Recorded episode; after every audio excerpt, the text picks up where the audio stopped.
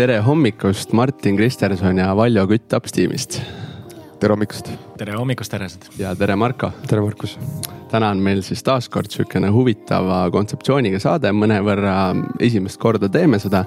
et meil on siis külas kaks founder'it kolmest äh, ettevõttest, kasvuettevõttest nagu Upsteam ja ongi just äge, äh, millest me täna nii-öelda rääkima hakkame. Te olete edukalt siis Äh, läbi teinud ühe ka raha kaasamise, kapitali kaasamise raundi ja mida see kogu protsess endast kujutas, samuti ka investorite poolelt siis oluline info, sest mõistagi investoritel on selles protsessis äh, väga oluline osa. Mhm. aga hüppame siis teemasse sisse, et Martin Kristerson, sa oled äh, ettevõtte Upsteam tegevjuht ja, ja siis Eesti aasta noor ettevõtja siis kaks tuhat üheksateist siis finalist olid ka. tõsi. just ja, ja Valjo, sina oled siis äh, Upsteami nii-öelda operatsiooniline juht ja, ja varasemalt siis oled tegelenud jalgpalliklubi FC Levadia turundusega. Äh, töötanud USA-s kokku kaks aastat, õppinud Inglismaal neli aastat ja siis mitmed muud äh, tegevused ja teie sihuke ühine nimetaja on siis see, et te olete mitmeid aastaid tegelenud USA-s raamatumüügiga programmis Southwestern Advantage ja, ja siis olete jõudnud Capsteamiga siis aasta, kaks tagasi ajujahi eh, finalistide hulka. nii ta on. just ja, ja täna siis nagu ma mainisin, vestleme eduka raha kaasamise raundi telgitagustest, varasematest kapitali kaasamistest ja, ja, ja avame seda tahku, et milline see kogu pilt näeb välja just founder ite poolelt aga startup erid, nagu te olete, siis selline, teeme sihukese interaktiivse harjutuse siia algusesse kohe, et äh, mõiste nagu elevator pitch ei ole teile ilmselt tundmatu. et äh, Martin, äkki ma paluks sind üks minut, mis on Upsteam? okei okay,, no Upsteam on siis liikuv autopesu idufirma, mis toob siis autopesu sulle koduuksele ja oleme ehitamas siis selleks platvormi, et ühendada siis ühelt poolt äh, pesijad ja teiselt poolt siis äh, kiire elustiiliga inimesed või, või siis ärid. Ja kasutame siis auto pesemiseks äh, ligi üks liiter vett, mis on siis üheksakümmend üheksa protsenti vähem kui nii-öelda tööstuse keskmine. Ja, ja selline see teenus ongi. väga, väga hästi Valjo, kas äh, sa tahaksid äh, parandada Martinit või lisada midagi? Äh, ainuke asi, mis ma lisaksin, on see, et, et me oleme kiire kasvuga, laieneme välisturgudele ja meie pikaajalisem visioon on ehitada siis sellist murevaba autoga sõitmise kogemust. et see, et sa lihtsalt lähed autosalongi, ostad auto ja sa pead kõik ülejäänud asjad unustad ära. Upsteam teeb selle kõik automaatselt sulle ära, et sa, pesu toimub siis, kui sa ei näe seda äh, ja nii edasi ja nii edasi. tulevikus, kui inimestel oma autosid ei ole, siis äh, meie haldame neid äh, kõige suuremaid autoparke. ja, ja kuna see, mm, see on suur teema, kogu see, see valdkond ja, ja sellest me proovime siin saate lõpus äh, natuke seda lahti muukida ka, neid äh, trende ja küsime selle kohta küsimusi, aga enne kui me äh, Upsteami teemadesse päris süvitsi nagu sisse läheme, siis tahaksime minna süvitsi sisse teie ähm, siis tausta ja, ja teie nii-öelda algusloosse. Ehk et raamatumüük, Markus mainis, et te olete mõlemad raamatumüügi taustaga ja peale keskkoolis otsustasite, et, et hakkate või võtate ette selle teekonna USA-sse ja, ja käite ukselt uksele raamatut müümas. Ehm, mis ajendas äh, seda tegema, kust tuli soov seda teha ja, ja kokkuvõttes, äh, kuidas teil läks, mis te õppisite? no mina käisin see Valjost äh, ühe suve vähem müümas, et tema oli juba ühe suve enne mind ära käinud. aga minul käis see umbes selliselt, et ma olin just kaitseväe lõpetanud, läksin ülikooli majandust õppima ja siis ühel heal päeval, kui ma olin Prismas toitu ostmas, siis helistati mulle, et sihuke võimalus minna Ameerikasse ukselt uksele raamatuid müüma ja siis noh. hullumeelne idee ta nagu ta oli, eks ole, aga ma ikkagi läksin, kuulasin ära, kuna see oli mu keskkooli parim sõber, kellega ma siis sinna intervjuule läksin ja. ja, ja siis kuidagi nagu klikkis ära see asi, et, et, et noh.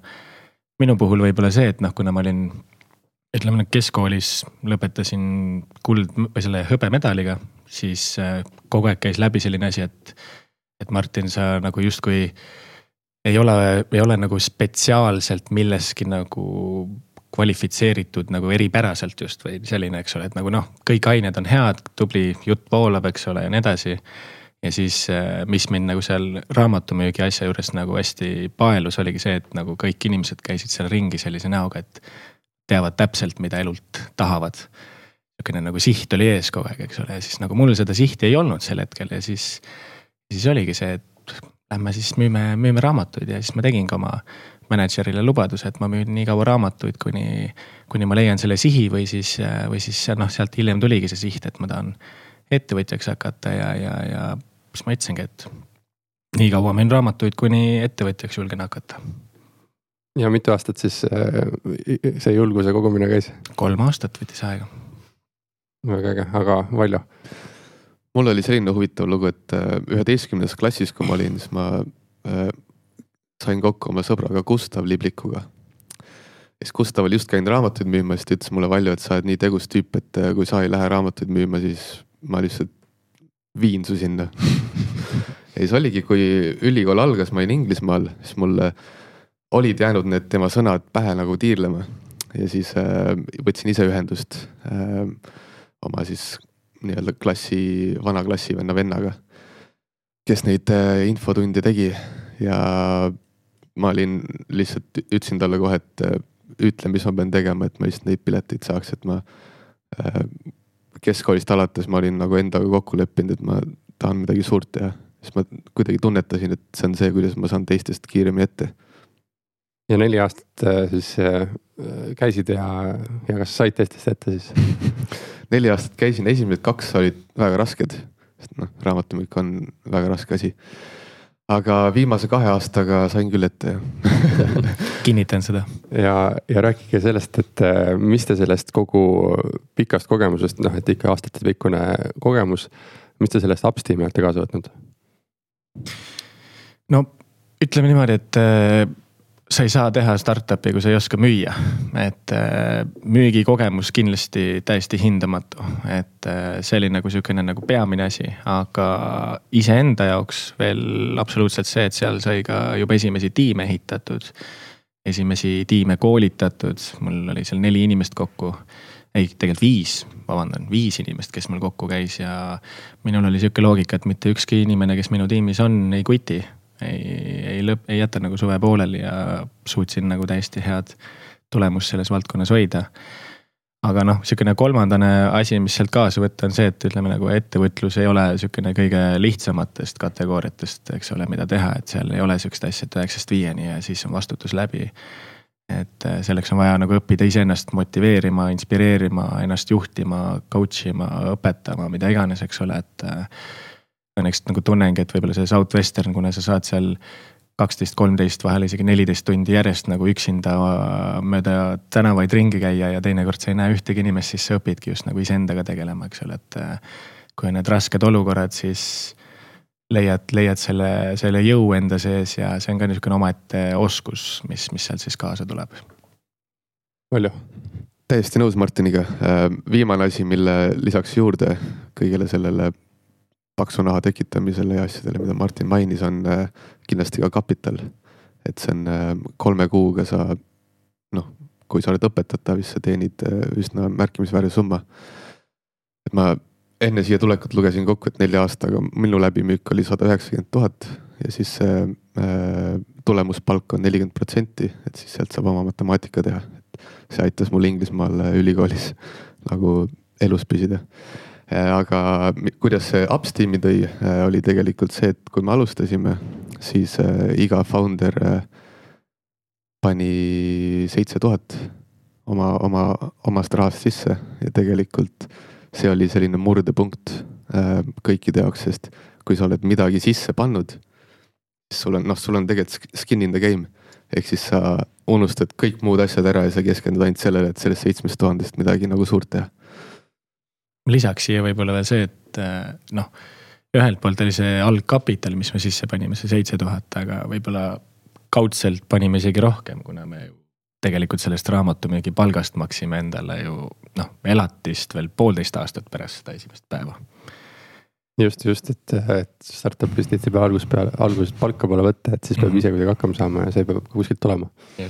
aga teekond siis see, see ettevõtjaks, et te olete võrdlemisi noored founder'id. Mitte nüüd äh, maha salata seda, et see kolm-neli aastat kogemust ähm, Southwesternis on, äh, on ikkagi hea kogemuste pagas ja hea referents, mille, mille alusel tegema hakata, aga, aga siiski noored founder'id ja mõned upstream'i investorid on ka öelnud, et, et otse ülikooli pingist siis ettevõtjaks mm. Mhm. -hmm. et äh, kust on tulnud see või sinul, Martin, siis sa ütlesid, et sa otsisid seda. et mida tegema hakata mm, Mhm. -hmm. et kuidas sa siis jõudsid selleni, et nüüd hakkame upstream'i tegema. Ja just nii varakult versus see, et siis kuhugile tööle minna. jah, no minu jaoks see klikk käis äh, läbi selle, et ma noh, nii-öelda nagu äh, majandust või äri õppima sattusin täiesti kogemata. ma tegelikult tahtsin juristiks saada. ja esialgne oligi niimoodi, et ema ütles, et sul jutt jookseb, mine, mine juristiks, ma ütlesin, et davai noh, lähme teeme ära, eks ole. Ja siis oligi Tartu Ülikooli Tallinna filiaalis oli vist ka mingi kolmkümmend vaba kohta, ma jäin kolmekümne esimeseks. siis ma olin väga pettunud, eks ole, et ma ei saanud sinna, aga varuvariant oligi, et äri õppima minna ja siis ma esimestes loengutes lihtsalt armusin täiesti ära sellesse. ja jooksvalt noh, mis ma nagu õppisin, ongi see, et noh, mul on alati, ma olin juba pisikene sihukene, ma ei tea, kaheteist-kolmeteistaastane poiss, kes rääkis, et minust saab president ja mina hakkan nagu maailma parandama, eks ole, ja aitama ka inimesi. Siis noh, sel hetkel nagu need kaks pusletükki läksid minu jaoks justkui kokku, eks ole, et kui sa oled ettevõtja, siis on sul selline piiramatu võimalus aidata mitte ainult mingit konkreetse valdkonna või, või linna või riigi inimesi, vaid sa oled selles mõttes nagu limitless, et äh, noh, nagu meil on siin praegu küll, me oleme praegu ainult Eestis ja Soomes, eks ole, aga varsti järgmistes riikides ja nii edasi. aga see nooruse asi ma võib-olla lisaks siia nii palju, et, et äh, noh mina olen nagu kogu aeg tegelikult pigem uhke olnud selle üle, et oleks võinud isegi tegelikult varem alustada, et noh, see kolm aastat raamatumüüki võib-olla oleks võinud piirduda ühe või kahe suvega, eks ole, kohe pihta hakata, et. see on minu jaoks on nagu pigem nagu sihukene eelis, et noh, minu, minust palju nooremaid founder eid on ka, eks ole, kes on juba selle ettevõtte suuruse poolelt võib-olla tuhandekordselt meist ees, eks ole, et et pigem, pigem see kogu see learning curve, mis ta, mida me oleme nagu siit äh, ühelt poolt pärast raamatumüüki saanud, siis äh, on ikkagi nagu massiivne olnud, et ma mäletan väga hästi, kuidas siinsamas Telliskivis sai Valjoga äh, hommikud, hommikusööki võtnu, võtma minna ja siis mõtlesime, et kurat, see raamatumüük oli ikka üks lihtne asi, et et, et ettevõtet ehitada on märksa raskem. just, just. sest et tundmat-, tundmatuid olukordi on rohkem. jah aga Valjo, kuidas sinu see, kust tuleb see drive ja entusiasm ja, ja kust tuli see ettevõtja pisik? ma arvan, et see tuli sellest, et äh, kodust tuli kaasa, kui täitsa aus olla, et äh, mulle alati vanemad õpetasid seda, et, et tulemus tuleb siis koos raske tööga. et vanasti meenutan seda, et, et niisama taskuraha ka ei saanud, et taskuraha said siis, kui pesid nõud ära, said viiskümmend senti. viskasid kassi kaka välja, said viiskümmend senti, et, et selline tabel oli ja siis oma panusele vastavalt siis said mingisuguse prääniku. et see nagu käis minuga terve, terve nagu kooli ja ülikooli ka kaasas, et ma hakkasin juba keskkooli lõpust otsima mingeid võimalusi, kuidas saada tegelikult just selle nagu ettevõtlusega tuttavaks. ja siis ülikoolis Inglismaal kõik inimesed seal tegelesid mingi asjaga. et seal ma ikka üritasin ennast kuskile nagu jala ukse vahele saada. ja siis raamatumüük oli selline mõnus kulminatsioon, mis siis andis selle tõuke ja siis, kui Martin selle kurikuulsa PowerPoint esitlusega minu juurde tuli, kus, mis näitas, et Upsteam teeb esimesel aastal miljon käivet ja teisel aastal kümme miljonit. siis ma sain aru, et no nii, nüüd me oleme suures mängus, et Big opportunity jah, ei väga huvitav kuulata jah, ma need sellised ettekanded võivad olla sellised, mis on nagu väga hea. kui noh, neli aastat tagasi vaatad või midagi, et siis praegu näed, et oh, väga äge, et Martin tuli selle ettekandega. ja tihtipeale te olete näinud ka neid ettekandeid, mis ei, ei lõppe nii hästi, mis on näiteks võrkturundusettekanded, kus räägitakse sama juttu, aga, aga, aga see reaalne pool on teine. aga kas te arvate, et ettevõtjaks sünnitakse, ettevõtjaks kasvatatakse teid või ettevõtjaks siis õpitakse ise? mina arvan, et äh, eelkõige ettevõtjaks äh, sünnitakse. aga väga palju just inimene saab ise ära teha läbi siis oma, oma pere, oma lähedaste sõprade, oma keskkonna. et, et tegelikult saada ettevõtjaks, sest ega ettevõtlusel, see ei ole mitte midagi keerulist sa kas müüd mingit kaupa või osutad teenust ja sa juba oledki ettevõtja. ja tänapäeval on nii palju erinevaid äh, võimalusi juurdeõppimiseks samuti, nagu näiteks teie podcast'i kuulates, et äh, ma ei kujuta ette, kui mitu mitteinvestorit on hakanud investeerima tänu sellele, et ta lihtsalt kuulab teie juttu ja teie külaliste juttu. et see on noh, nii palju infot on maailmas olemas. mina, mina võib-olla usun natukene samamoodi, natuke erinevalt, ehk siis äh, noh, minu puhul nagu ma ütlesin, eks ole, et alles pärast kooli avastasin, et ma tahan olla ettevõtja, ma isegi ei teadnud, eks. aga ma arvan, selline nagu drive ähm, olla see probleemide lahendaja ja mingi väärtuse looja, see on küll võib-olla asi tõesti, mis tuleb nagu ema-piimaga kaasa või lihtsalt on sees või ei ole, eks ole, aga. konkreetselt ettevõtjaks, eks ole, see on nüüd sihukene kategooria, kus ma tõesti tunnen, et see on ainult õpitav osa, et äh, kui sa tahad, siis tuleb lihtsalt teha ja sealt jooksvalt õppida. noh, sihukest ja noh, vaata nagu öeldakse ka, et mõnel on see ärisoon või mingi selline asi, eks ole, et noh, isegi kui sul see on olemas, siis sa võid ka olla hea ärimees, sa võid olla halb ärimees, eks ole. minu poolest on see kõik äh, selles valdkonnas õpetatav, aga just see drive, tuua väärtust ja, ja, ja lahendada probleeme, et see on võib-olla tõesti asi. kogu selle ettevõtluspisikuga tegelikult väga tihedalt käib käsikäes just ka investeeringute poole investeerimine ja üliäge on tegelikult see, et te olete nii noored ja te lisaks sellele, et ehitate äh, autopesu tulevikku ja teete upstream'i, te tegelete ka investeerimisega mm. -hmm. et ja olete nii-öelda noh, enda finantside ja kõige selle valdkonna pealt väga eneseteadlikud. Äh, millised on üldse teil siuksed finantsilised eesmärgid ja ma ei tea, kuidas te näiteks investeerite, palju, võib-olla alustame sinust. kui ma olin kaheksandas klassis siis mu jalgpallitreener ütles, et sa pead oma eesmärgid üles kirjutama. ja siis ma ostsin omale sellise whiteboard tahvli ja hakkasin eesmärke üles kirjutama, kuskil kümnendas klassis ma kirjutasin, et kui ma olen kahekümne ühe aastane, siis ma tahan olla kroonimiljonär ja siis äh, sealt nagu hakkas järjest äh, see asi arenema äh,. ja siis, kui ma raamatumüüki läksin, siis äh, seal noh, suured isad nagu Jaak Roosaar ja teised on ees siis ütled, noh, et sa pead panema mingi eesmärgi ja siis, siis mul tekkis see eesmärk, et ma tahan olla kolmekümne aastaselt äh, finantsiliselt vaba.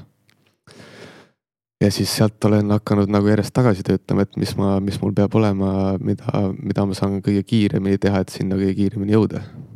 ja ettevõtlus ongi üks, üks viis selleks Martin mm,? jah, mina sain ka nüüd selle pisiku sealt äh, Jaak Roosaarelt ikka et eh, või noh, ütleme niimoodi, et tema siis valgustas mind selles suunas, et mäletan ka seal raamatumüügis ka, et siis vaatasin teda alt üles nagu suurt isa, eks ole, ja siis äh, võtsin julguse kokku ja ütlesin Jaak Roosaare, lähme istume maha, palun räägi mulle, kuidas sa investeerid. Ja siis ta suutis selle kõik nagu hästi lihtsaks teha, et ma ju noh, kuna ma õppisin majandust, eks ole, siis ma puutusin kokku ikkagi nende investeerimiskate asjadega ka on ju aga see tundus alati nii keeruline, et sa pead olema mingi ilge geenius ja matemaatik selleks, et äh, olla investor ja see nagu lõi selle hirmu, et noh, ei, ei saa alustada mingi viiekümne euroga, eks ole, aga siis, kui ma istusin Jaak Roosaarega maha, siis ta tõmbas läpaka lahti näitas mulle, näed, et siin on mul aktsiad ja siin on mul oma rahas ja siin on nii ja naa, eks ole, siis ma vaatasin, et puh, nii lihtne. Et ei olegi nagu nii keeruline, siis ma lihtsalt copy paste isin nagu selle, need profiilid, mis tal seal olid ja hakkasin sealt nagu tava, vaikselt pihta millised siuksed, ütleme, varaklassid äh, teile endale kõige meelepärasemad on näiteks? no mina, tavaliselt öeldakse, et alustad äh, kusagilt laenudest ja siis liigud aktsiatesse siis kinnisvarasse, aga minul läks natuke vastupidi see asi, sest noh. mul oli õnneks oli see olukord, kus, äh, eks ole, raamatumüügist oli piisavalt kõrvale pandud ja, ja ema pärandas ka ühe pisikese korteri ja see sai maha müüdud ja siis mina alustasin kinnisvara läksin aktsiad ja siis laenud sellisest. Valjo, kuidas sul jookseb? mina alustasin äh, Pandorast, panin äh, esimesed teenitud summad sinna sisse ja siis tegelikult väljusin üsna kiiresti ka, et sain oma, oma esimesed põletused sealt kätte. ja siis äh, kuna alguses laenud ei olnud minu jaoks äh, eetiliselt selline hea investeerimisklass tegelikult, siis ma, ma noorena ei saanud aru, et miks ma, miks keegi üldse maksaks mulle tagasi kui ma annan suvalisele inimesele laenu, siis mis tal nagu noh, ma ei saa seda kontrollida. ja siis, siis ma äh, alustasin pärast Pandorat siis aktsiatega, kuna ma sain aru, et on, et on firma, mis äh, teeb äh, müüki, millel on kulud, millel on kasum ja siis, kui kasumist jääb üle, siis ta annab midagi oma, oma nagu toetavatele inimestele, et selline nagu mudel oli minu jaoks kõvasti loogilisem. Ja siis ma hakkasingi järjest iga oma vaba raha suunama aktsiatesse. ja siis nüüd tänapäevaks on sinna äh, siiski lisandunud laenud äh, kuna see on minu jaoks nüüd aina põnevam äh, ja saan rohkem aru sellest ja lisaks ka kinnisvara. nüüd on esimene üüri, üürikorter ostetud ja tegelikult, kui ma enne siia tulin, siis ma vaatasin üle ka, et mis need äh, suhtarvud on, et tegelikult mul on äh, aktsiates on kolmkümmend kaks protsenti äh,, ühisrahastuses on kolmkümmend üks ja siis äh, on sellised erinevad testimised nagu annan eralaene, üritan äh, aina rohkem aru saada, millised inimesed ja võimalused on eralaenude jaoks. ja siis testin äh, Funderbeami ja kasvukontot ka veidike väga äge, ma tahaks äh, ühte sellist äh, paradoksaalset asja võib-olla teiega natukene arutada, et, et räägitakse, et nii-öelda investeeringute poolelt, mida varem sa alustad, seda parem. aeg on su suurim sõber.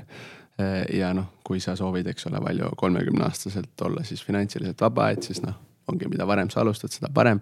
teisest küljest jälle noh, selle kasvuettevõtlusega on ju poolteist aastat tegite nii-öelda tasuta tööd ja maksite seitse tuhat ka veel kuskile osakapitaliks seal sisse on ju. et, äh, et kui akuutne teie jaoks on üldse see mõtteviis, et oma nii-öelda startup'ile või ettevõttele keskendumine toob siiski suurima tootluse? tahad alustan? no ma võib-olla kõigepealt muudaks selle natukene teistsuguseks selle küsimuse, et äh, ma ütleks, et kui startup'i nagu tegema hakkasime ja praegu ka, kui me teeme, eks ole, siis nagu esmane fookus ei ole nüüd oma seitsme tuhandele eurole ilget Droid otsa ehitada see ei ole nagu esimene fookus, sest et noh, startup'i tegemine, see on ikkagi nagu me enne rääkisime ka, et kas sa sünnid või. või, või õpid ettevõtjaks, see on lihtsalt midagi südamelähedast, eks ole, et see on noh, lihtsalt puhtjuhuslikult on sul võimalik teha midagi, mida sulle väga meeldib ja, ja võib-olla tulevikus see toob ka sulle nagu leiva lauale, eks ole. Aga selles mõttes ma olen kindlasti nõus, et äh, mida varem, seda parem.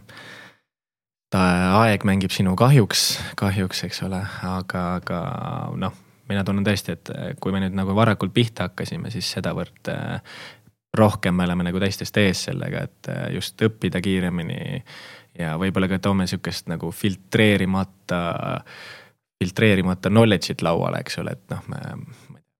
Kui ma oleksin nagu juba ütleme kakskümmend aastat nagu ettevõtja olnud, siis tekib juba mingisugune kindel profiil, aga me oleme sellised nagu toorikud et imame sisse kõik need uued innovatsioonid, ei karda riske teha, riske võtta ja, ja see on nagu exciting. Valjo, tahad sa lisada midagi? mul oli juhtum äh, umbes poolteist aastat tagasi, kui ma küsisin Madis Müüri käest, et, äh, et äh, Madis, et istume maha, näita mulle, kuidas ma saaksin rohkem paremini investeerida. Siis Madis ütles, et ei, et, ei, et sinu suurim tootlus on sinu startup.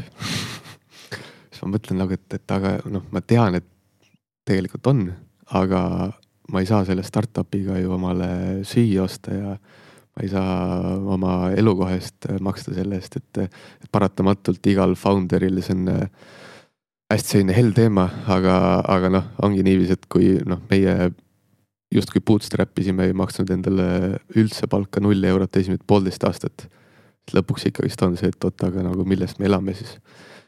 me õnneks olime raamatuid müünud, et, et seal oli nagu äh, okei okay, puhver sees, aga, aga tegelikult see on see, et sa ikkagist äh, äh, investeerid kõvasti-kõvasti rohkem oma startup'i alguses. ja minu jaoks on täitsa okei okay,, sest et need oskused ja teadmised, mis me oleme saanud selle kolme aasta jooksul, need tegelikult kannavad, kaaluvad, tähendab kõik ükskõik mis X protsent tootlus üle et äh, ma tunnen küll, et mis iganes ma elus teen, see juba see kolmeaastane kogemus on, on mul nagu nii suur edumaa andnud. võib-olla lisaks veel selle ka, et, et äh, noh, mida nagu startup'is äh, olles siis nagu õppinud veel on see, et noh. me teenime, ütleme vähe, eks ole, sellepärast on ka mingisugused pisikesed investeeringud tehtud, et natukene katta seda saamata jäänud palka ja nii edasi, eks ole, aga päeva lõpuks nagu noh, mida nagu kõrvale panna on, mis aitanud meid on vähemalt on see frugaalne elustiil ka, et eh, noh. tegelikult me saame nagu väga vähesega hakkama, me ei ole, meil ei ole vaja suuri BMW-sid ja, ja mingeid ilgeid losse maja nagu ära osta ja mis iganes, eks ole, et. Päeva lõpuks loeb see, et sul on katus pea kohal, kõht on täis. saabki rahulikult ehitada startup'i.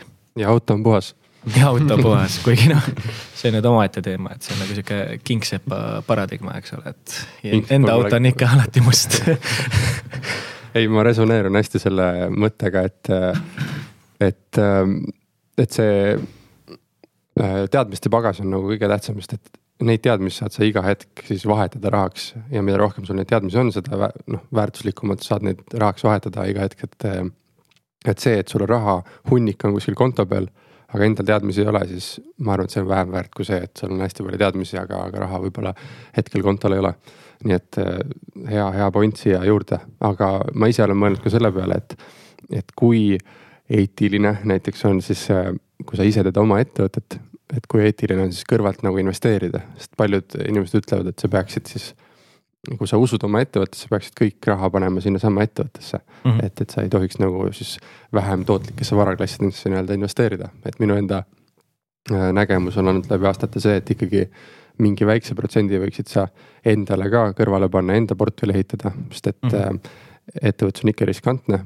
Ja teiseks täpselt äh, kõige väärtuslikumad olete teie, kes seda ettevõtet veavad, nii et teil endal peaks olema ka mingi puhver kõrval, et kas te olete sellega endaks läbi mõelnud või oli see raske otsus hakata nagu investeerima muudesse varadesse, enda portfelli ehitama versus siis panna kõik äh, ühte ettevõttesse?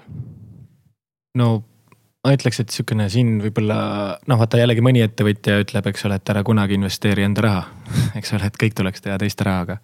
Aga mina usun, et see peaks olema sihuke nagu kuldne kesktee, et äh, noh, nüüd, kus me oleme juba kolm aastat higi, verd ja pisaraid siia sisse valanud, eks ole, siis noh võib-olla äkki tahad ikkagi mõni, mõni nädalavahetus minna kusagile välja sööma neiuga või midagi sellist, on ju.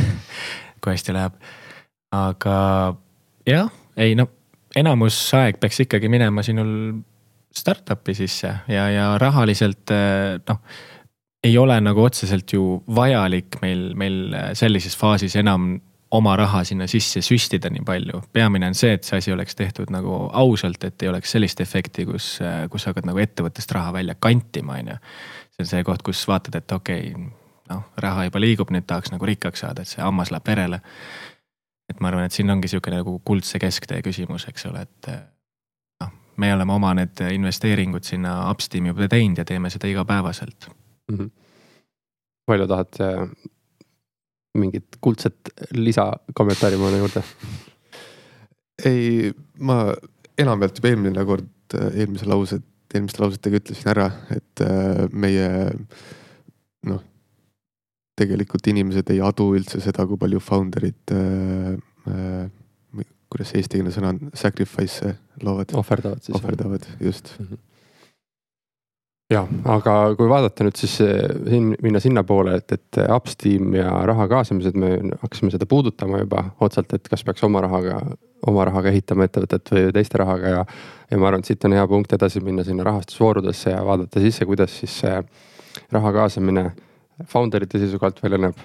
ja kuidas mhm. ta võib-olla investorite seisukohalt välja näeb eh, nii et eh, kerime aja tagasi ja võib-olla võtame ette siis rahastusvoorud ja nimelt võib-olla selle kõige esimese.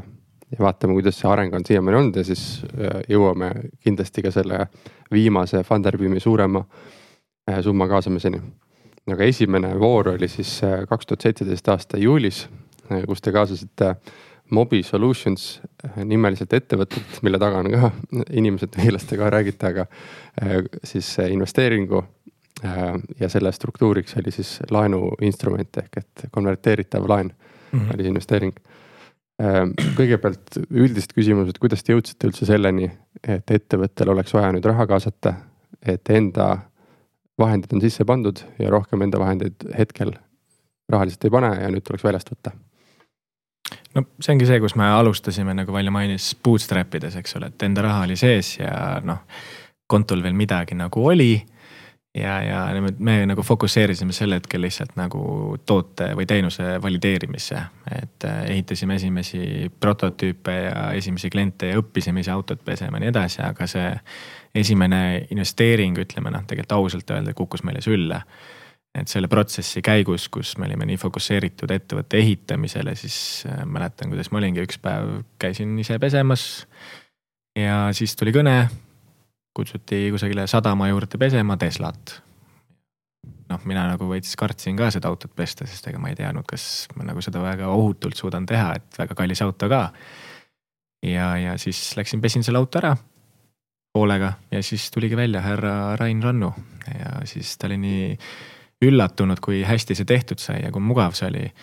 ja siis ta küsis, et kas te investeeringuid ka kaasate ma, ütlen ausalt, ma sel hetkel ei teadnud, mida öelda talle, aga ma mõtlesin, et kui ma ütlen praegu ei, siis Valjo annab peksa mulle kodus. ma ütlesin Rain Rannu investeeringu palvele nagu ei, eks ole, ma ütlesingi jah, ikka, ta andis kaardi ja siis sealt läks nagu asi edasi. okei okay,, väga huvitav äh, lugu muidugi, aga äh, et siit ongi nagu võtab tuumaks tegelikult, et äh, tahtsin küsida, et kuidas te investori leidsite, aga selles mm -hmm. ära, et nii-öelda klient ise siis äh, Just. põhimõtteliselt äh, oli huvitatud ja tahtis siis, pakkus võimalust. mis siis edasi juhtus, läksid koju, Valjo peksa ei andnud aga, aga kuidas te siis, mis te rääkisite ja, ja kuidas te välja mõtlesite, palju te kaasama peate? Pärast odapesu Rain tegi pilti sellest autost ja pani omale Facebooki ka ja siis äh, Veljo otsas on tellis ka. ja siis äh, Veljo pärast, äh, kui olin talle arve saatnud, siis ta kirjutas, et kas sooviksime kokku saada? Ja siis me, mäletan Martiniga vaatasime seda meili, mõtlesime, ossa poiss, okei okay,, noh nüüd läheb lahti. Ja siis ütlesin muidugi saame kokku. Ja mis see oli, see oli umbes aprill ja siis äh, investeeringu aeg oli kolmas juuli. ja siis need äh, kolm kuud, mis seal, mis seal vahel olid, need olid äh, no ikka müstilised, kui sa oled esimest korda founder, esimest korda kaasad raha. me ikka, mina, Aleksis ja Martin guugeldasime igasuguseid sõnu, guugeldasime investment, guugeldasime äh, venture, guugeldasime noh, igasuguseid sõnu ja siis äh,, siis algasid nagu läbirääkimised, et äh, läbirääkimiste puhul äh, ma ei tea, kas Veljo lubab seda öelda, aga, aga see on selline põnev juhtum, et, et me ise ei teadnud, kuidas ennast hinnata äh,. ja meil ei olnud halli aimugi, kuidas see traditsiooniliselt peaks välja nägema. ja siis äh,, aga me teadsime, et me, meie ettevõte on väärt pool miljonit ja siis äh, mõtlesime, et okei okay,, et guugeldasime kuskilt, et esimeses faasis on okei okay ära anda kümme protsenti. ja siis ütlesimegi Rainile ja Veljole, et okei okay,, et äh, teeme siis viiskümmend tuhat äh, kümne protsendi eest. ja siis mingi aeg läks edasi ja siis äh, Veljo ütles, et kuule, aga äkki teeme hoopis kakskümmend viis tuhat kümne protsendi eest ja siis me siis me me olime lihtsalt sellised äh, esimest korda raha kaasavad äh, noored, me kalkuleerisime läbi veel erinevaid äh, advisor võimalusi, et mis siis, kui raha üldse ei anna nii suure protsendi eest, et kas saab lihtsalt nõu ja jõuga abistada ühe protsendi eest kui kuidagi niiviisi. aga siis, mida aeg läks edasi, siis me hakkasime nagu mõistma, et, et tegelikult need on need inimesed, kes annavad hästi palju lisandväärtust ka. et nad mitte ainult ei toeta nagu äh, rahaga, aga, aga tegelikult nende äh, kogemuste pagas, see, mis meil üle kandub, nende tutvused. ja kõige naljakam seik oli vist see, kui, kui nad lõpuks saatsid selle investeerimislepingu et et saatsid teile siis selle eh, konverteeritava laenulepingu või, või see oli Mhm, tingimuste leht? kumma nad saatsid siis? konverteeritava laenulepingu mm. -hmm. Ja siis me just Martiniga hommikul siia sõites arutasime, et meie mingi terve päev otsa istusime kolmekesi founderitega selle lepingu taga ja lihtsalt üritasime aru saada, mis need sõnad tähendavad. ja sõber Google oli abiks. sõber Google oli abiks, siis isegi Google vahepeal ei olnud abiks, me lõpuks pidime ikkagi saama, et küsida üle, mis need siis tegelikult tähendavad. Mm -hmm. Veljoga jah, istusime poolteist tundi maas ja pärast tegime veel poolteist tundi kõne, Mm. et täpselt aru saada, millesse me ennast mässime. et äh, jah, siin on sellised startup kogukonna naljad, et siis konvert-, konverteeritava laenulepingus oli siis four times liquidation preference ja siis õnneks selliseid asju ei olnud. aga jah, ei see tuli jah, see nii-öelda see konverteeritav laen tuli meie juurde nagu selles mõttes ise, et me ei küsinud seda. me algul mõtlesime, et teeme nagu straight equity, aga siis nad ise pakkusid selle välja, noh, ma ütlengi, aga me olime nii võhikud lihtsalt, me ei teadnud mitte midagi, aga jällegi nagu tagantjärgi. noh, me usaldasime Raini, ma tean, tean, tema on ka käinud raamatuid müümas, eks ole, me teadsime, et ta ei hakka meile nagu kotti pähe tõmbama ja selles mõttes tegelikult tagantjärgi mõeldes see oli väga õige otsus. tegi kogu see round tuua koju, sest et noh. See kakskümmend viis tuhat, ütleme, mis me sealt saime, see tegelikult oli ikka väga helge pakkumine, et äh, need käibed, mis meil olid ja see, mis meie firmas tegelikult sel hetkel oli, siis noh, see oli isegi ütleme nagu ülehinnatud. ja, ja te olete nõus sellega, et, et, et see kogu raha tõstmine on ikkagi inimestevaheline äri mitte siis äh, tingimuste tagaajamine lepingus. just, täpselt. tegelikult äh, tuleb vaadata, kellega sa siis laua taha istud ja kes sa partneriks võtad ja siis teisena vaatad neid tingimusi, et ei saa. Kui sa ainult tingimusi vaatad, siis alati on võimalik sealt kuidagi keerata või teistpidi väänata neid lauseid, et Mm -hmm. Äh, jah, aga järgmine rahaga kaasamine siis äh, või, või see raha kaasamine, kui palju te siis äh, sellest nii-öelda omale seda runway'd või, või teekonda ette saite äh, ehitada siis, kaua, kaua see kestis? no me saime sellest ühe kaubiku juurde, me, me tookord ei teadnud isegi, mis see runway on, me ei mõõtnud runway'd. Me lihtsalt, kui oli vaja, siis süstisime ise pappi juurde veel et äh, sellest piisas meile kuni ajujahi lõpuni, kuni siis hakkaski, tuli teine raund. et see on siis kaks tuhat kaheksateist oktoober oli teine raund, põhimõtteliselt äh, natuke peale aasta ja peale. ja no seal vahepeal muidugi veel selle EAS-i starditoetuse ja mingid sellised pisi olid vahepeal veel ka. ja saite kaubiku, saite rohkem autost pesema hakata just, ja hakkasite lihtsalt, äh, tegite rohkem tööd. just, jah. see oligi hästi huvitav, tegelikult lisan juurde, et äh, pärast seda esimest investeeringut ja kui me selle kaubiku ja uue masina ostsime, siis äh, me, me olime iga kuu põhimõtteliselt kasumis järgnev aasta, et me tilkusime seal mingisugune kolmsada eurot plussis ja nelisada eurot miinuses seal vahel iga kuu. Et, et tegelikult tagasi vaadates see on päris huvitav, et, et me küll arenesime ja investeerisime, aga me suutsime kliendi rahaga tegelikult enda, enda kasvu sel määral kinni maksta. see on selline praktiline lähenemine on ju, et, et sa. see praktika, praktiline lähenemine tuli kellegi peast, et võiks hoida asja nagu mõistlikuna või see lihtsalt te ei suutnud nii palju investeerida, kui siis kliendi pesudelt tagasi tuli? See on pigem selline Alexise tarkus, et, tema on äh, kõige sellisem kahe jalaga maa peal meist ja siis tema lihtsalt filosoofia on see, et äh, kliendi raha on kõige odavam ja me peame olema plussis. Ja, ja teine rahastusvoor siis nagu sai mainitud kaks tuhat kaheksateist aasta oktoober, kus oli juba rohkem partnereid, oli Super Angeli fond, Spring Capitali fond, see oli Funderbeami väike osa seal juures ja siis olid veel inglid, ingelinvestorid Heidi Kakko ja Stiina Lehti Mm -hmm. rääkige natuke selle telgitagustest, et äh, kuidas see asi siis kokku sai mm, Mhm. -hmm. mis teie mõtted olid, et mida te, mida te kaasama hakkate ja, ja natuke rääkige lähemalt no teine round siis oligi niimoodi, et me olime just ajujahi kolmanda koha kätte saanud, sealt oli ka nagu mõnus kolmetonnine purakas viis tuhat. viis tuhat jah, okei okay,, viis tuhat. aga noh, sellest eh, me saime kohe aru, eks ole, et noh, nüüd on meil see nagu ütleme siis laine on peal ja, ja sellest viiest tuhandest me kohe kindlasti ei pigista välja nüüd siit mingit massiivset kasvu. ja siis tuligi otsus, et davai, lähme siis kohe raha kaasama ja, ja väga kiiresti jõudsime lihtsalt sinna tupikusse lihtsalt, kus noh kõigepealt läksime siis Funderbeami juurde, saime sealt jah, jah-vastuse kätte, aga tingimus, et üldse nagu raundi launcheerida, peab olema sul juhtinvestor. oh, see oli keeruline olukord ikka seda leida, sest et noh me olime ikkagi tuntud kui need eh, kaubikupoisid, need autopesupoisid ja just sel hetkel hakkaski nagu tekkima igal pool see sihuke terminoloogia nagu need big data ja ai ja mingid siuksed huvitavad sõnad, eks ole, kõrgtehnoloogia ja siis me oleme siin oma autopesukaubikutega, küünealused mustad on ju ja siis üritame raha. ja noh, käisimegi erinevate investorite juures, kuniks me lõpuks siis eh, jõudsime siis ähm, Estbani sihukene Angel Camp oli vist selle asja nimi. Pärnus selline kokkusaamine, kus tegelikult ingelinvestorid saavad kokku siis Lätist, Leedust, Taanist ja nii edasi.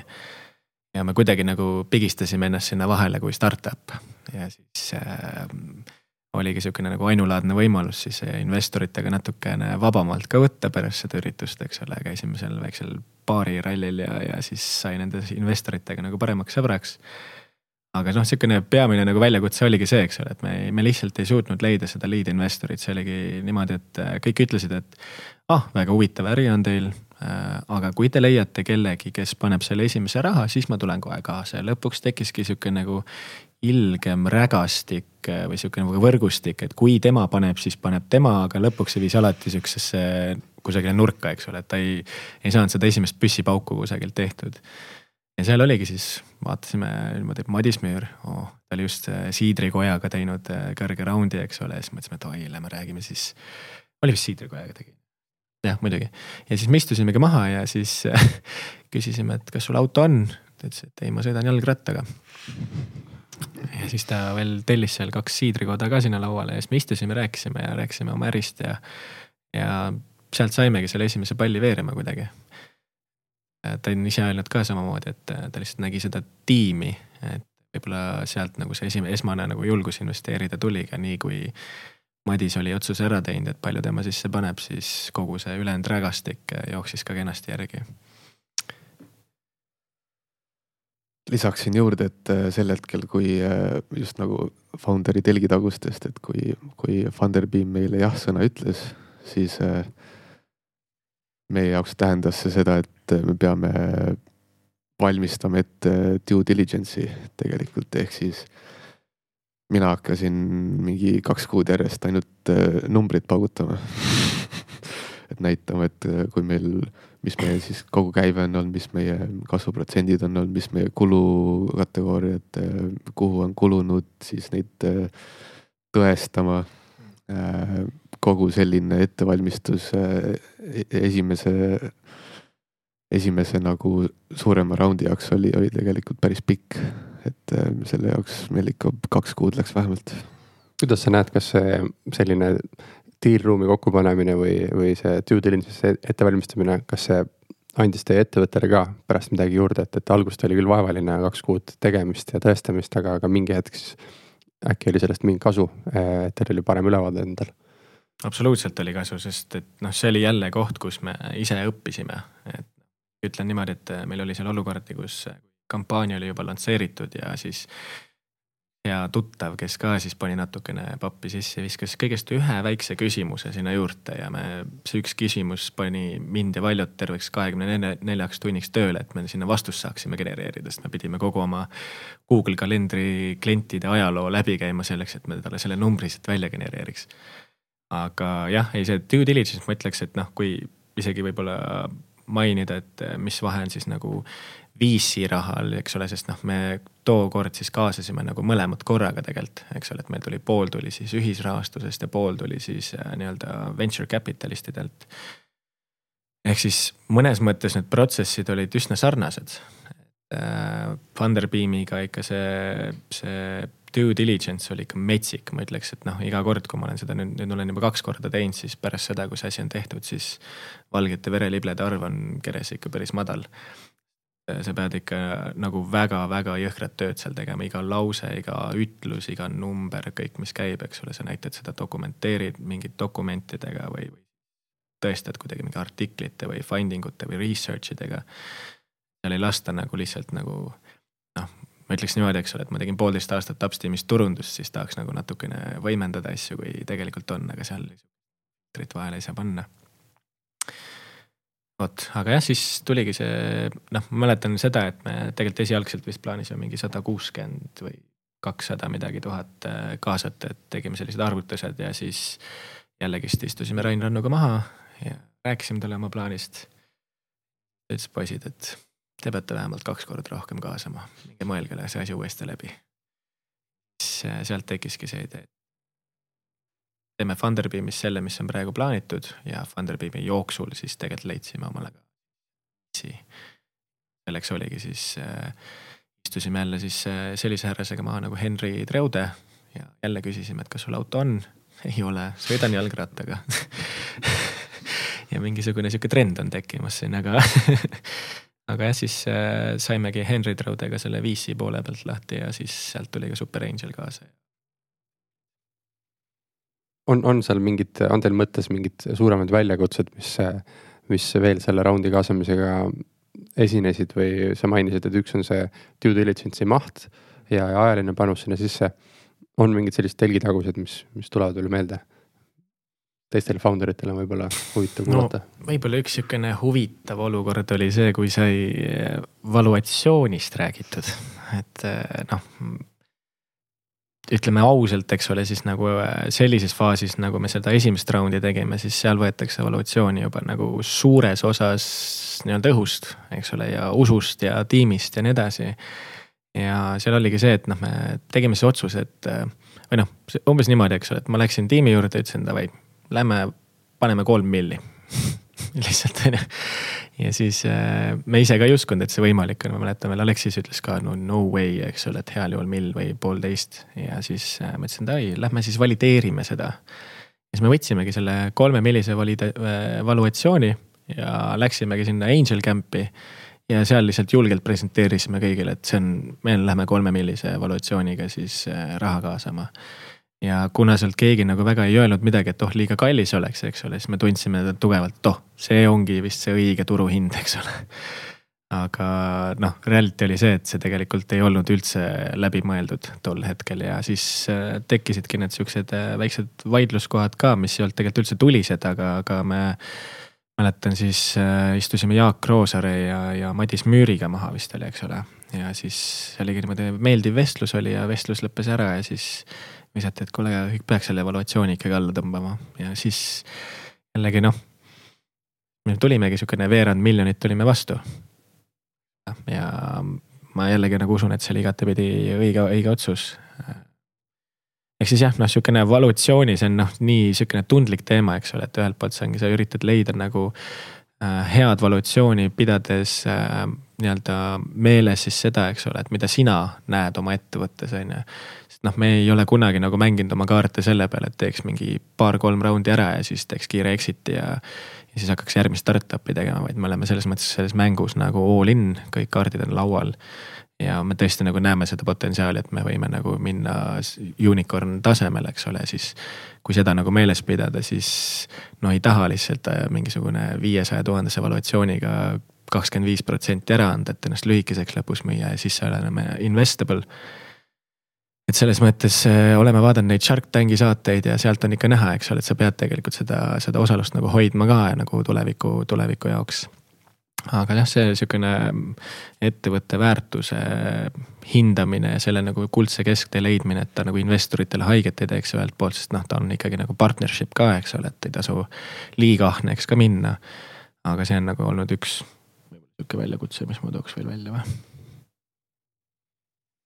omalt poolt ma lisaksin kiirelt juurde see, et äh, meil vedas tohutult lead investoriga. ehk siis see töö, mis Madis Müür tegelikult ära tegi selle kampaania eel, see oli meeletu. ta koos Jaaguga tegid oma mingi blogipostitused valmis, nad äh, aktiveerisid oma investor kogukonnad, nad. noh, see oli nagu meeletu, et ilma selle Madis Müüri proaktiivsuseta oleks see round olnud nagu väga-väga palju raskem. ja hüp-, hüpates siis äh, viimasesse raundi, mis toimus nüüd siin mõned kuud tagasi, kahe tuhande üheksateistkümnenda aasta detsembris ja siis ainult Funderbeamis. et seal läks teil pealtnäha väga edukalt ja noh, seda siis selle järgi, et huvi oli suur ja mõne päevaga siis märgiti sisuliselt üle kolmesaja protsendi siis esialgsest seatud eesmärgist ja siis lõpuks ise nii-öelda panite ühe miljoni euro peale lae ette, et äh, kuidas siis nii-öelda see otsus sündis, et sel korral äh, minna siis ainult Funderbeami teed sajaprotsendiliselt ja, ja noh, taaskord siis, et üldse raha kaasata veel? no üks olulisi tegureid, mis seal mängu, mängis hästi palju rolli meie jaoks, oli lihtsalt see kiirus et äh, jällegi nagu eelmise raundi kogemusest ja nüüd vahepeal õppides juurde, kuidas üldse nagu äh, VC raunde tehakse, siis äh, meil ausalt, meil lihtsalt ei olnud aega selleks, et minna seda teed ja sealt tuligi lihtsalt otsus, et teeme kõik Funderbeamis ja teeme natuke ajalugu. teeme selle asja nagu kõikidest kõige kiiremini, et me oleme nagu ühe korra selle asja nagu läbi käinud ja teeme selle lihtsalt kiiresti ära, et me saaks hakata keskenduma reaalselt ärile, sest et äh, selleks hetkeks, noh, kui me eelmist raundi kaasasime, siis eelmise raundi me kaasasimegi ju tegelikult eesmärgiga, et äh, valideerida toodet ja tuua skaleeritav toode, valideerida expansion'it, ärimudelit. ja selleks hetkeks nagu tegelikult me olime nagu eeli-eeli sinna nagu jõudmas ja meil tegelikult oligi vaja lihtsalt kiiresti raha, et me saaks hakata execute ima kogu äri ja sealt noh, mina tunnen, et sealt tuligi nagu see otsus, et lähme teeme lihtsalt Funderis kipelt ära ja, ja paneme nagu oma äriga edasi, et ei oleks vaja mingi neli-viis kuud siin VC-dega edasi-tagasi pendeldada. Valjo, tahad sa või saad sa natukene avada äkki seda tahku, et ütleme, täna me oleme siin äh, kahe tuhande kahekümnenda aasta veebruarikuus, kõik majanduses asjad on väga hästi, sentiment on positiivne, et üleüldse nii-öelda viimase äh, raundi valguses, kui palju äh, mõjutas sihukene üleüldine positiivne sentiment ja valdkonna nii-öelda eeskõnelejate, juhtinvestorite Madis Müür ja Kristjan Raude tubli töö. Versus kui palju te pidite ise siis reaalselt müügi ja teadustöö, teadvustustöös nagu osalema? ma arvan, et seal mängis hästi suurt rolli tegelikult äh, see, et Funderbeamis on ikkagist kvartaalne raporteerimine ehk siis kõik investorid on, olid raha kaasamise hetkeks äh, neli, vähemalt neli kvartali update'i saanud. ja iga investor sai nagu kursis olla meie arenguga ja siis äh, need lubadused, mis me tegimegi, oligi see, et paljud inimesed, investorid on minu juurde tulnud ka, et pärast esimest Funderbeami raundi tead nende kaubikutega, no ma ei tea, ma ei tea. aga see, et te suutsite selle seljakoti Äh, pesu teha ja et teie nagu platvorm äh, on äh, skaleeritav, et nüüd ma usun. et hästi palju on seda, et, et tegelikult ma arvan, et me, me oleme vist tubli tööd teinud investorite kursis hoidmisega. ja see on nagu kõige suurem boonus, mis selle raundi jooksul oli. muidugi nüüd eestkõnelejate panus Müür ja Raude, et äh, see on, nemad on äh, koos, äh, koos siis Hendrik Raude ja Rainiga selle aasta jooksul meile kõige rohkem toeks ka olnud. et nad teevad kogu aeg pidevalt, küsivad, kuidas teil nüüd läheb, kuidas teil nüüd läheb, kas saab kuidagi aidata, toovad meile raamatuid, aitavad meid mingite connection itega. et nemad oskavad kõige rohkem meist tegelikult rääkida ja ma arvan, et selle kampaania jooksul äh, ongi nende eestkõnelejate pidev töö see, mis, äh, mis tegelikult selle vundamendi lõi. et see ei ole selline, et kelle, kellest saab üleöö mingi edulugu. et see on see aastatepikkune panus tegelikult, ma arvan. ehk siis see ikkagi nii-öelda päeva lõpuks äh, sünnib nii-öelda teie kui usinate founder ite ja siis ikkagi nii-öelda oma valdkonna professionaalide sünergias või koostöös? kindlasti, meil on väga palju vedanud just nende äh, mentorite ja tarkade inimestega meie, meie ümber. et iga kord, kui meil on mingi konkreetne probleem, põrgatame selle läbi ja saame küsimusi juurde, millega siis tegeleda, et me nagu neid vastuseid kohe ei saa, aga saame väga-väga-väga häid küsimusi mm. -hmm. aga ütleme, vaadates ka siis äh, kellelt, seda profiili just, et kellelt te olete raha kaasanud, siis millised on erinevate investorite kaasamise siuksed plussid ja miinused, et noh, founder, Funderbeam on tegelikult on ju täiesti või noh, mõneti teine kontingent, kui on mm -hmm. Super Angel, Spring Capital ja Ingel investorid on ju suuremad, et, et mõned mõtted, Martin, saad sa äkki tuua? et äh, mis nende vahe on siis? nojah, et mis on, äh, mis on nagu erinevate investorite kaasamise plussid-miinused mm -hmm. Sinu no, vaatest? minu vaatest ma ütleks, et äh, nad on üsna sarnased. kui me räägime nüüd Funderbeam versus siis VC-d, et noh, mõlemal tehakse ikkagi põhjalik due diligence. mõlemad on kokku pandud tegelikult erineva, siis erineva hulga inimeste poolt, eks ole ja mõlemal on siis sul sihukene üks äh, vanaema, vanaisa või sihukene juht, kes äh, sinuga siis nagu pärast seda investeeringut ka veel töötab. Küll aga nad ei ole nagu selles mõttes üks-ühele, eks ole, et äh, ma ütlen äh, VC äh, raha kindlasti on äh, sihukene nagu pikemas perspektiivis palju olulisem, et kui me räägime nüüd sellest, et nagu unicorn tase, eks ole, siis ühisrahastusel tuleb lihtsalt mingi hetk tuleb piir peale, et äh, sealt lihtsalt ei ole võimalik selliseid summasid kaasata, mis oleks siuksed elumuutvad äh, tsüklid äh, Upstreami ajaloos.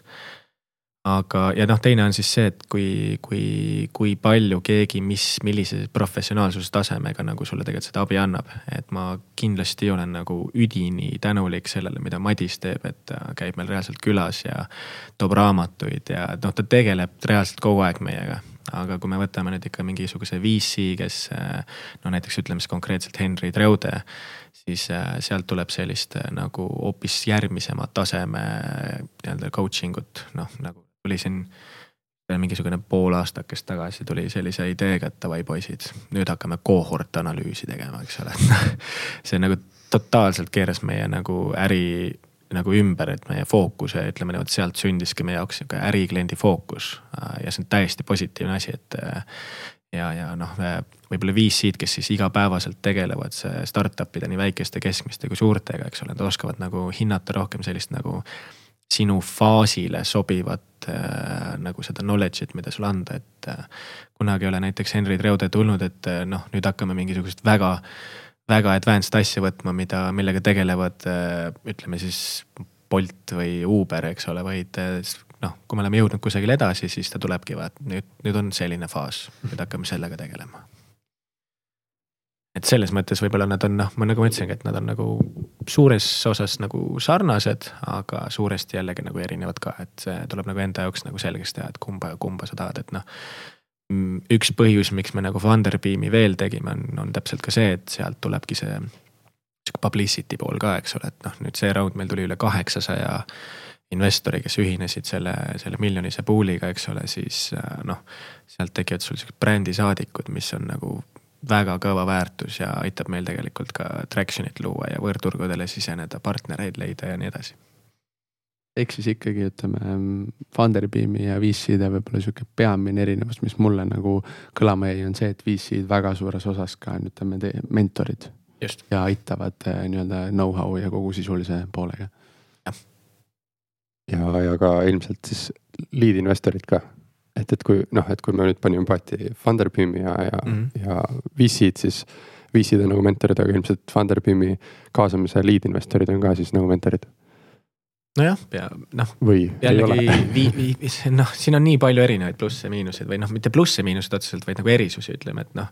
võib-olla ma lisan siia selle ka, eks ole, et kui noh, mõlemalt poolt tuleb sulle selline nagu abiline ettevõttesse, kes tegeleb sinuga.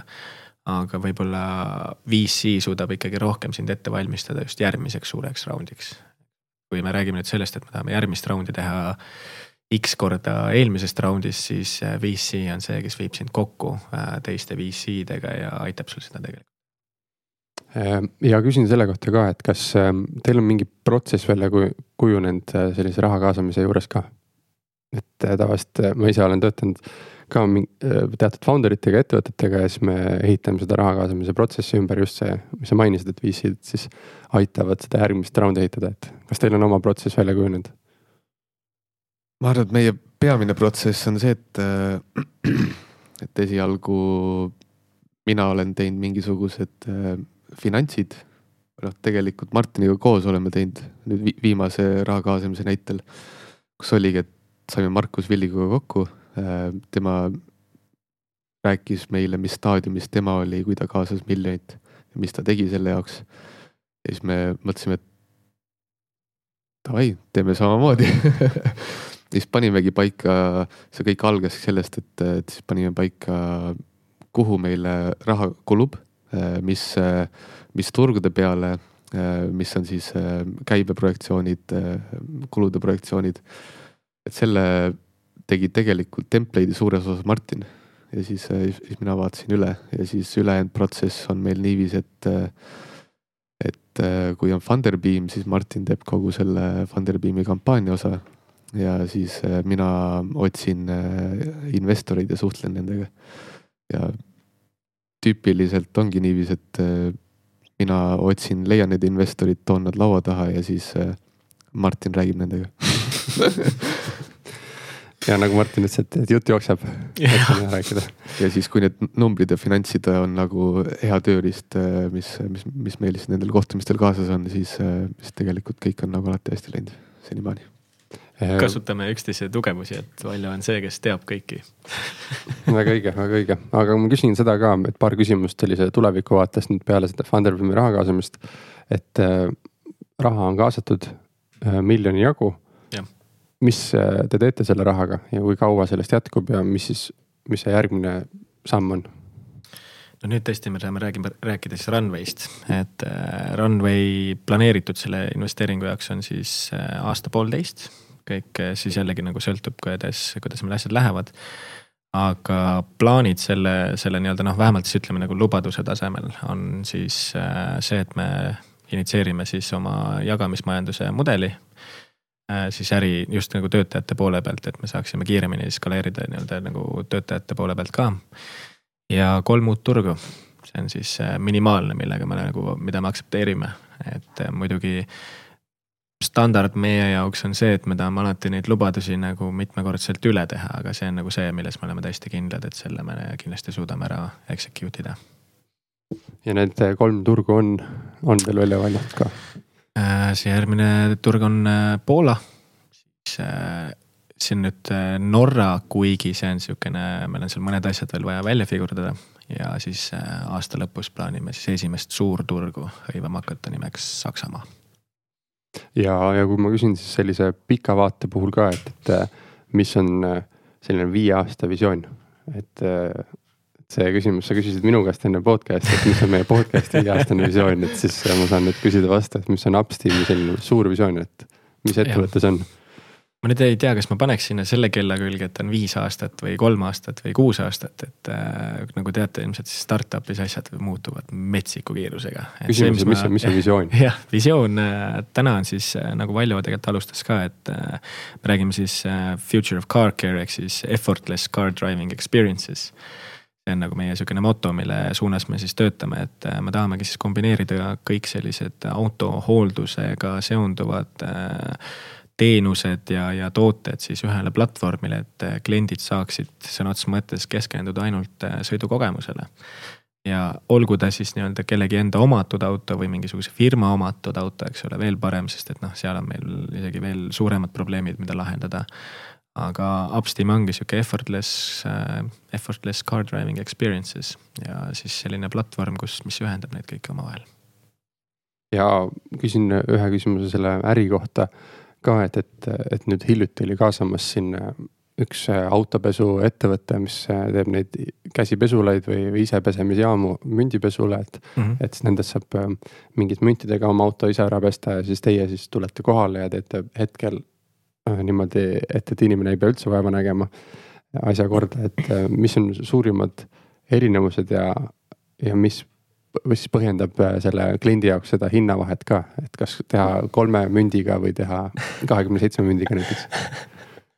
ma arvan, et nende äride peamine erinevus on see, et äh, meie skaleerumine, ähm, kui meil laienemismudel on äh, lihvitud, ähm, käib nagu hetketega. Ehk siis meie ei pea sellist suurt investeeringut tegema meil on ähm, seljakotid, kogu selle ühe pesija package äh, on ähm, kuni viissada eurot. Ähm, ja siis turule laienemisel on vaja ainult kolme põhiinimest.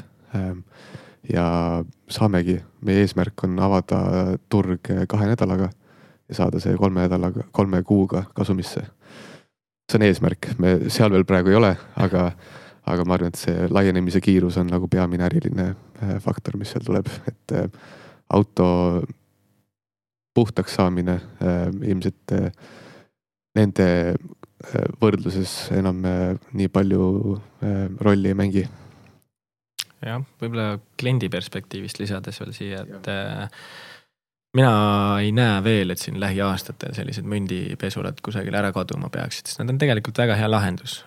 Nad sobivad, meil on endal ka väga palju kliente, liikmeid, kes kasutavadki, ütleme kord kuus Upsteami teenust. teeme seestväljast puhtaks ja siis nad kasutavad neid mündipesulaid, et seda puhtust säilitada. noh, ikka juhtub see, et sõidad lombist läbi, siis noh, lähed panedki selle ühe mündi sisse ja ongi korras, et, et noh, ta on nagu selles mõttes nagu teist tüüpi pesu ikkagi, et see on niisugune kiire suurema mustuse maha saamine ja selles mõttes nagu töötab väga hästi, et Upsteam keskendub rohkem sellise nagu põhjalikuma töö sooritamisele siis. hakat-, hakates nüüd meie vestlust vaikselt kokku tõmbama, oleme tunni ajagu siin juba vestelnud, et äh, kui meie vaatajad, vaatajaid ja kuulajaid inspireeris see, äh, mida Upsteam teeb, mida teie teete ja nad sooviksid teiega kohtuda, tulla Upsteami meeskonda, mis iganes, siis äh, milliste kanalite kaudu teiega ühendust saaks? kuidas? no üks koht, kuhu ma soovitaks minna, on meil kodulehel upsteam.ee, et seal on täitsa selline leht olemas nagu careers. ja sinna me siis jooksvalt postitamegi üles kõiki neid äh, positsioone, keda me otsime teine variant on kohe otse jurgen.upsteam.ee kirjutada meil, kes on meie HR juht. või siis võtta meiega ühendust. otsime iga, iga kord igasuguse, ütleme, et talenti on alati vaja. ja, ja, ja kui keegi otsib, tahab Upsteamiga aidata autopesu tulevikku luua, siis süda on õiges kohas, siis tere tulemast.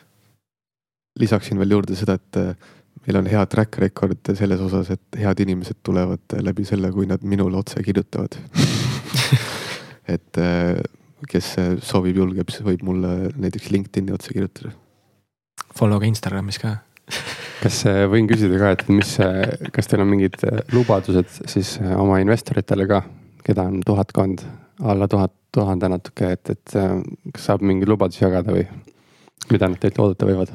No lubadused ongi needsamad, eks ole, et üks on siis see töötajate poolse ärimudeli innovatsiooni rakendamine nii oma platvormis kui ka siis üleüldiselt äri tegemises ja teiseks siis need uued turud.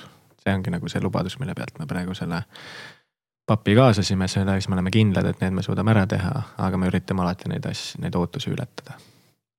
lisaksin juurde veel et, et eh, sada protsenti pühendumus ja kirg selle vastu, mida me teeme jah, väga hea, äh, seda ongi vaja, et, et, et, et selle rahaga siis putku ei panda, nii-öelda suur vastutus. Äh, mis see Spider-man'i äh, filmi kvoot on?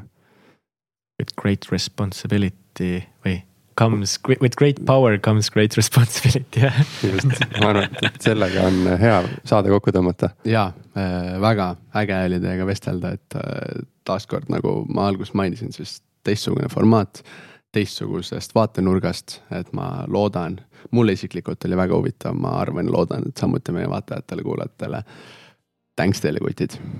ja kui kuulajad ja vaatajad siin siis samastuvad ja Markuse väljaöelduga, et kui see tõesti oli äge formaat, siis me proovime seda mõnel korral, järgmisel korral veel sisse tuua, et kutsume mõned ettevõtjad siia ja räägime mingist investeeringu sellest teemast teise nurga alt, mis me tavaliselt räägime, nii et andke meile mingi kommentaariga või, või kirjutage LinkedIn'i meile, et, et kirjutage siis äh, oma kommentaari, et kas see oli hea või mitte. ja, ja siis me teeme veel selliseid ägedaid asju. ja nii. minult, minu poolt ka suured tänud, et tulite, põnev oli ja, ja elan kaasa, olen ise ka investor, disclaimer'i disclaimer'ina peab ära ütlema. ma olen ka, siis ütlen ka. saba ja karvadega seotud jah, rohkem või vähemal määral tänan teid usalduse eest. ja aitäh teile. võitleme edasi. võiduka lõpuni jah